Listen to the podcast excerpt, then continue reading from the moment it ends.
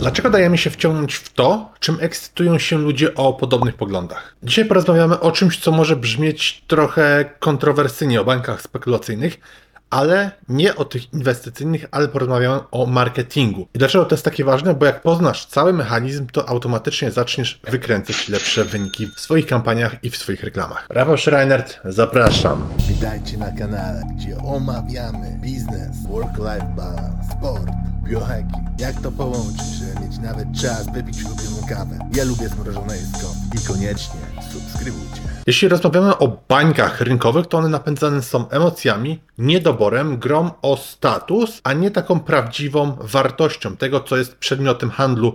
Czyli na przykład mamy bańkę odnośnie telefonów komórkowych, no to nie mówimy tutaj o wartości, o ich wytworzeniu, tylko jest granie na tych emocjach, na wartości spekulacyjnej. Widzisz, właśnie bańka spekulacyjna to jest ten okres, w którym cena określonych przedmiotów, aktywów rośnie gwałtownie. I zazwyczaj dzieje się to po prostu na skutek spekulacji, czyli obstawiania, a nie na podstawie tej, że realna wartość rośnie. Czyli mamy i taki mega optymizm, i entuzjazm. Rynek chce kupować. Hej, to naprawdę świetnie, że jesteś tutaj dzisiaj i oglądasz razem ze mną to wideo. Robimy bardzo fajne community tutaj na kanale, fajną społeczność. Jeśli chcesz otrzymywać, dostawać ode mnie więcej takich filmów w tygodniu, to pamiętaj, że jeśli kanał będzie większy, to ja mogę właśnie więcej takich filmów tworzyć, więc daj like, subskrybuj kanał, udostępnij u siebie na social mediach, bo ja dzięki temu mogę zatrudnić dodatkowe osoby do pomocy przy filmach, czy edytowanie, tworzenie pomysłów, skryptów, bądź rozprzestrzenianie tych wideo. Także fajnie, że jesteś tutaj razem dzisiaj. Pomóż rozwijać kanał, a wracajmy teraz do odcinka. I oczywiście, jeśli chodzi o historię, to ona zna masę przykładów, jeśli chodzi o te banki spekulacyjne.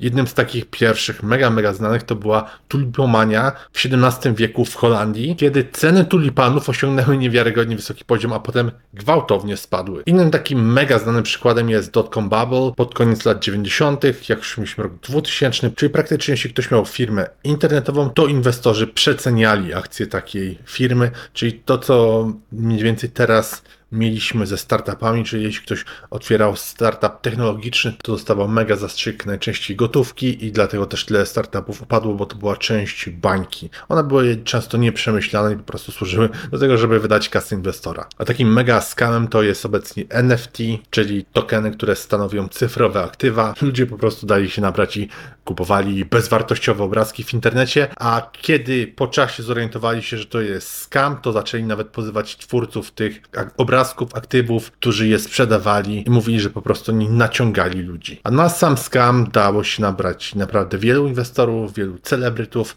Gary V na jednym z nich stracił tylko 6 milionów dolarów. Jednak widzisz, banki nie muszą być wcale takie duże i nie muszą mieć złych skutków, bo można je wykorzystać w marketingu, żeby sprzedawać lepiej swoje produkty. Często to się dzieje w przypadku dóbr luksusowych, na przykład jak mamy tutaj stronę, która oferuje luksusowe buty, stosunkowo niewielka grupa ludzi handluje, tworząc właśnie swoją bańkę ekonomiczną. Tak jak na przykład tutaj widzisz parę butów za ponad 9 tysięcy dolarów, co przy obecnym kurcie to około no, plus minus 45 tysięcy złotych. Czyli musisz przyznać, że całkiem sporo jak za jedne buty, prawda? A większość ludzi po prostu wycenia but jako sumę wszystkich części materialnych, bo but to jest towar. Jeśli nie ma na niego hypu, jeśli nie ma tej spekulacji, no to but nie kosztuje 10 tysięcy złotych, 40 tysięcy złotych. Ale w tej bańce wartość buta jest znacznie wyższa niż właściwie wartość rynkowa, ponieważ w grę wchodzą i emocje, i status, i niedobór, bo jest ich mało. Ok, i teraz do brzegu. Jak wykorzystać bańki spekulacyjne w marketingu? Gotowy rozwinąć swój biznes z Unixel?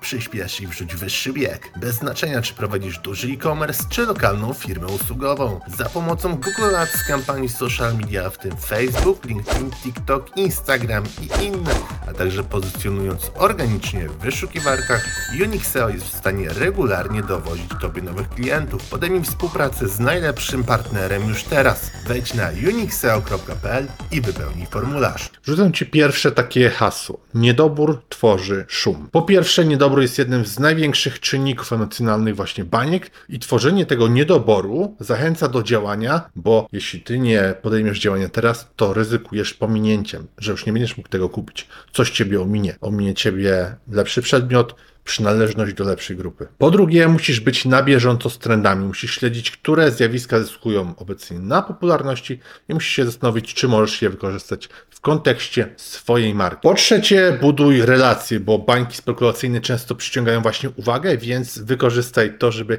móc zachęcić innych do zaangażowania się i dalej tworzenia relacji z Twoją marką, a Ty odzajamiasz się ciekawym kontentem dla swojej publiczności. I po czwarte, przeglądaj trendy, bo to, co modne, może być często łatwo wykorzystane właśnie w marketingu. Takim najlepszym i najprostszym przykładem teraz może być e, chyba TikTok, bo sprawdzasz wtedy trendujące szablony i tworzysz podobny content. Ludzie nawet wykorzystują trendującą muzykę. Więc chcę, żebyś na koniec tego filmu zapamiętał takie trzy rzeczy. W marketingu możesz stworzyć bańkę emocjami, niedoborem i grą o status. Wykorzystaj to u siebie i zarabiaj więcej. Wszystkiego dobrego Tobie życzę. Rafał Schreinert.